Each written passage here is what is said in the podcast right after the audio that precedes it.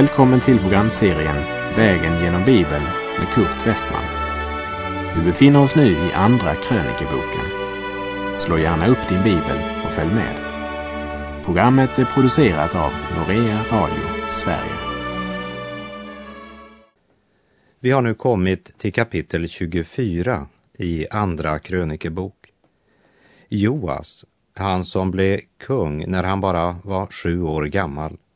Vi ska se i det här kapitlet hur han visar sin omsorg för Herrens hus genom att återställa det i dess tidigare skick och sätta det i gott stånd. Och vidare att han på nytt inför den skatt som folket ska betala till Herrens hus i enlighet med vad Herrens tjänare Mose hade pålagt folket tidigare och som de också tidigare hade betalat men som de upphörde med under avfallet från Gud. Kapitlet avslutas med att berätta att så fort prästen Jojada dog övergav folket Herren och kungen lyssnade till folket och började tjäna avgudarna. Så Jojada var mannen bakom väckelsen i Juda. Men när Joas inte längre hade prästen Jojada i ryggen vände han kappan efter vinden och tidsanden blåser alltid bort från Gud. Och trots att Jojadas son Sakarja senare står fram beklädd med Guds andes kraft så lyssnar man ändå inte till honom. Och därmed kommer Guds förtörnelse över Juda och Jerusalem genom den skuld de ådrog sig.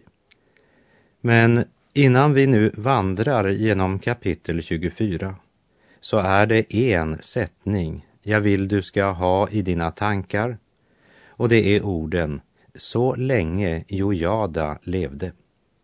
För det är ett nyckelord i det här kapitlet, så länge Jojada levde.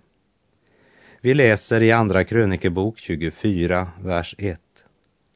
Joas var sju år gammal när han blev kung och han regerade 40 år i Jerusalem. Hans moder hette Sibja från Berseba. Prästen Jojada var mannen som fostrade och vägledde Joas under de första åren av hans regering. Och vi läser i vers 2 och 3. Och Joas gjorde vad rätt var i Herrens ögon så länge prästen Jojada levde. Och Jojada tog åt honom två hustrur och han födde söner och döttrar. Joas regerade i 40 år över Juda men det sägs inte något här om vid vilken tid Jojada tog dessa två hustrur till honom. Och med tanke på den tidens traditioner så var ju två hustrur inte mycket, speciellt för en kung.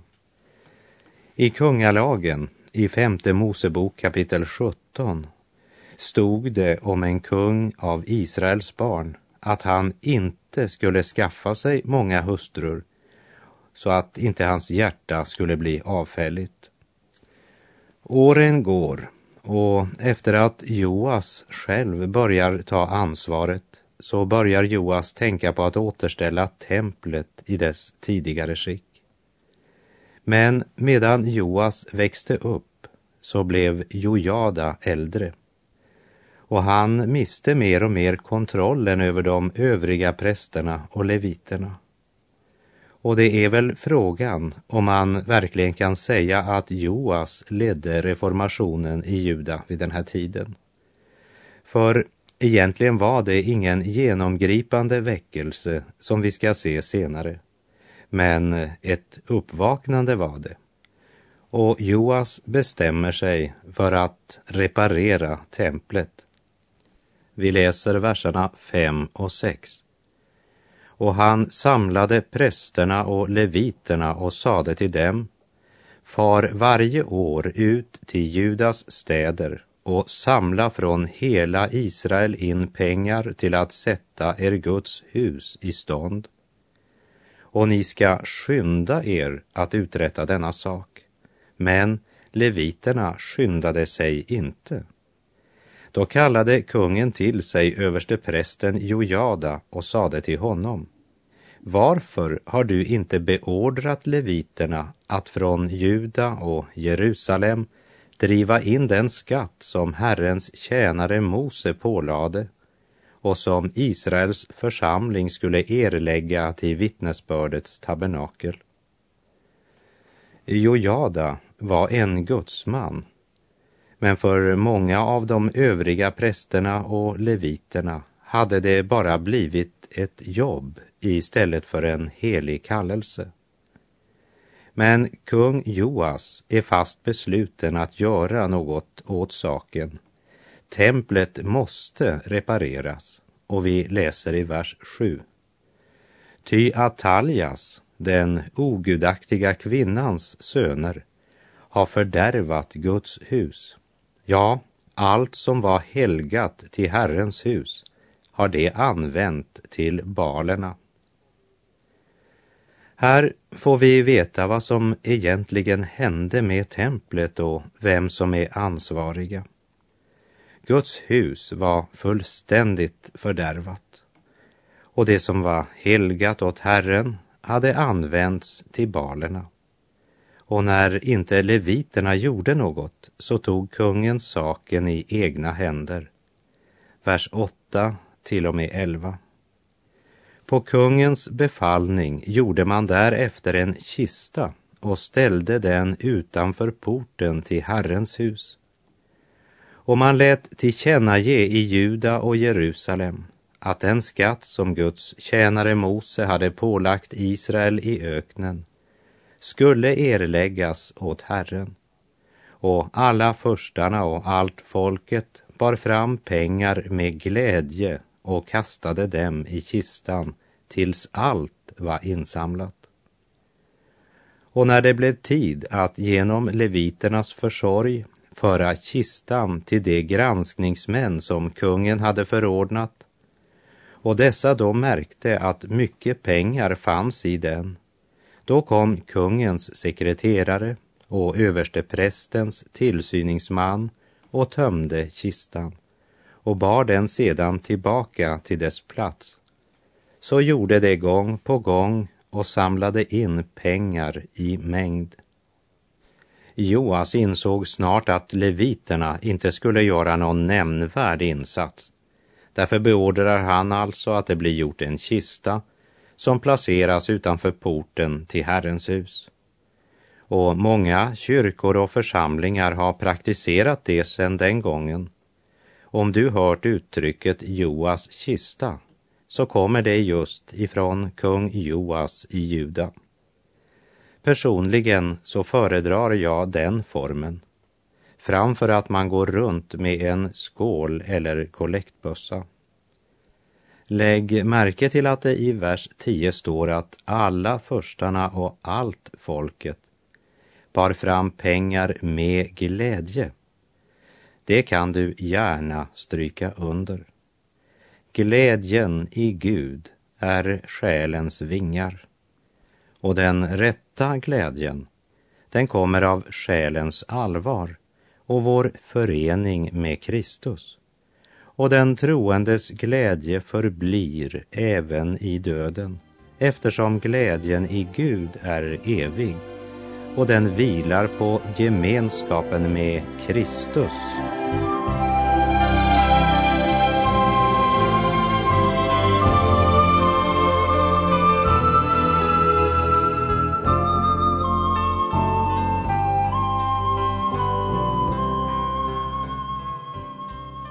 Joas kista, placerad utanför templet, gav hela folket en möjlighet att ge till templets reparation och givarglädjen var stor. Det kom in pengar i mängd. Och det fördes kontroll över hur mycket som samlades in. Kungen hade valt några speciella till att granska hur mycket som kom in. Och när de lämnar det ifrån sig så är både kungens sekreterare och överste prästens tillsyningsman närvarande. Man kontrollerar varandra och så bör det vara. Varenda organisation borde ha en pålitlig kontrollordning och noggrann bokföring. Vi läser i Andra krönikerbok 24, vers 12 och 13. Därefter lämnade kungen och Jojada dessa åt den som skulle utföra arbetet på Herrens hus och anställde stenhuggare och timmermän för att förbättra Herrens hus. Likaså järn och kopparsmeder för att sätta Herrens hus i stånd. Och det som utförde arbetet bedrev det så att arbetet gick framåt i deras händer och det återställde Guds hus till dess tidigare skick och satte det i gott stånd. Pengarna blir inte liggande i en fond, utan det kommer genast till användning. Och resultatet blir att templet blir restaurerat. Det som skulle vara centrum för nationen är nu återsatt i stånd i sitt tidigare skick och vi läser vers 14. Och när det hade slutat bar det återstoden av pengarna till kungen och Jojada och man gjorde av dem kärl till Herrens hus, kärl till gudstjänsten och offren, skålar och andra kärl av guld och silver och man offrade brännoffer i Herrens hus ständigt så länge Jojada levde. Givarglädjen var stor, så det saknades inte heller medel till alla de kärl som man också behövde till gudstjänsten. Vers 15 och 16. Men Jojada blev gammal och mätt på att leva och dog så. 130 år gammal var han vid sin död och man begravde honom i Davids stad bland kungarna därför att han hade gjort vad gott var mot Israel och mot Gud och mot templet. Jojada hade varit som en far för Joas och även efter att kungen nått myndig ålder så hade nog Jojada fortfarande en hel del att säga till om. Det var uppenbart att Jojada och kung Joas stod varann nära. Men det tragiska var att det faktiskt var Jojada som var Joas ryggrad. Så när Jojada dog kunde Joas inte hålla sig upprest längre utan böjdes den väg vinden blåste. Vi läser vers 17 och 18. Men efter Jojadas död kom Judas förstar och föll ned för kungen. Då lyssnade kungen till dem och det övergav Herrens, sina fäders Guds hus och tjänade aserorna och avgudarna. Då kom förtörnelse över Juda och Jerusalem genom den skuld det så ådrog sig. Joas hade verkligen respekt för prästen Jojada, för han hade varit så äkta att Joas kunde inte annat än respektera honom. Och så länge Jojada levde vågade Joas inte dyrka avgudarna. Så länge Jojada levde utövade han ett starkt inflytande. Men Joas hade växt upp allt för beskyddad, som i ett drivhus. Att växa upp i Herrens hus var bra. Att lära av gamla Jojada var också bra. Men att leva så beskyddat att han inte kände livets hårda verklighet gav honom liten motståndskraft. Och han blev överrumplad när han inte längre hade Jojada att gömma sig bakom. Han utvecklades till en eftergiven man som inte var van att gå mot strömmen. Och när massorna vill tjäna avgudarna gör kungen det också. Han och folket övergav nu Herrens hus och tjänar avgudarna. Och de pådrar sig skuld inför Gud, Guds förtörnelse. De hade övergivit Herren. Skriften använder ordet övergav som med absolut precision visar oss den gudomliga rättfärdigheten. Och i sin stora barmhärtighet och kärlek sänder Gud sina profeter för att varna kungen och folket och mana dem till omvändelse. Vers 19. Och profeter sändes bland dem för att omvända dem till Herren, och dessa varnade dem, men de lyssnade inte till det. Det är som om man hade glömt nöden man upplevde under den hänsynslösa och ogudaktiga drottning Atalja. Satan bedrar människan genom att förvränga hennes gudsbild.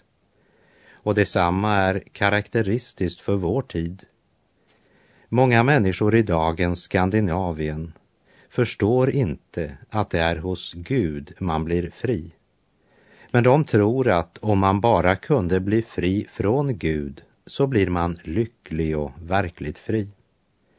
Satan har ett kolossalt övertag på det folk som har en sådan gudsbild. Satan är en lögnare, ja, lögnens far.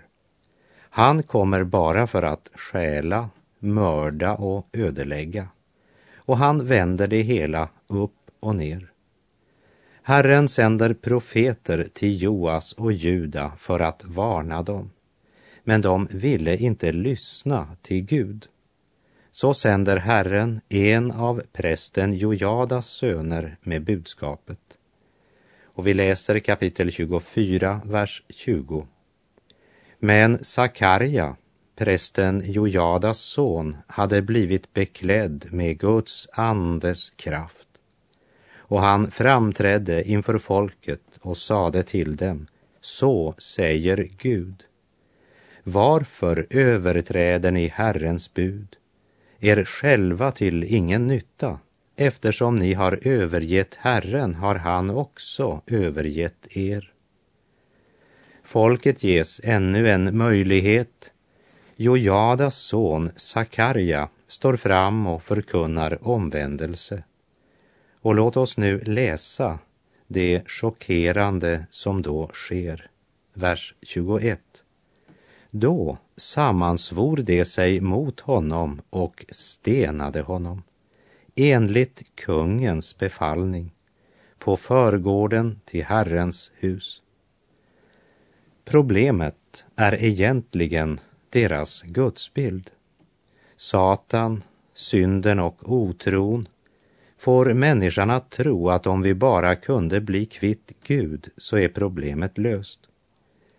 Man skulle ju aldrig tro att Joas skulle handla så här. Men det avslöjar vilket inflytande synden får i människans liv när hon vänder Gud ryggen och inte längre vill leva i ljuset. Vi läser vers 22. Ty kung Joas tänkte inte på den kärlek som Jojada, dennes fader, hade visat honom, utan dräpte hans son. Men denne sade i sin dödsstund, må Herren se detta och utkräva det. Jag beundrar Jojadas son Sakarja som hade mod att bära fram detta budskap som kunde ha blivit folkets och kungens räddning. Ändå bleknar Sakarja inför tanken på honom som Gud sände till världen för att de som tror på honom inte ska gå förlorade utan ha evigt liv. För när Jesus brutalt dödades genom att spikas upp på korset så bad han för sina bödlar. Fader, förlåt dem, ty de vet inte vad de gör, som det står i Lukas 23.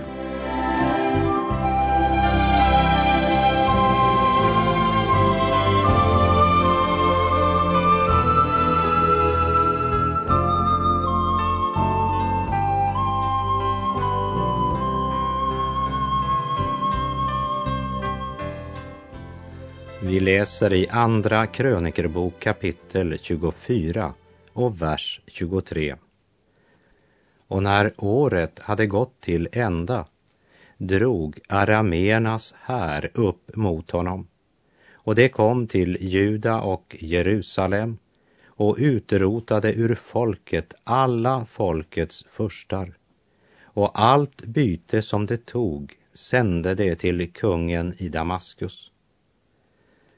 Människan som vänt Gud ryggen blir så förblindad att hon tror att hon kan undfly domen. Man lever utan Gud och tröstar sitt oroliga hjärta med att ja, det ska nog gå mig väl till sist. Så förblindad blir alltså människan när hon förkastat Gud. Man vill inte omvända sig till Gud och nu är det för sent. För den glädje och trygghet som har sin förutsättning endast i det som ögat ser, det synliga, den blir ofta kortvarig.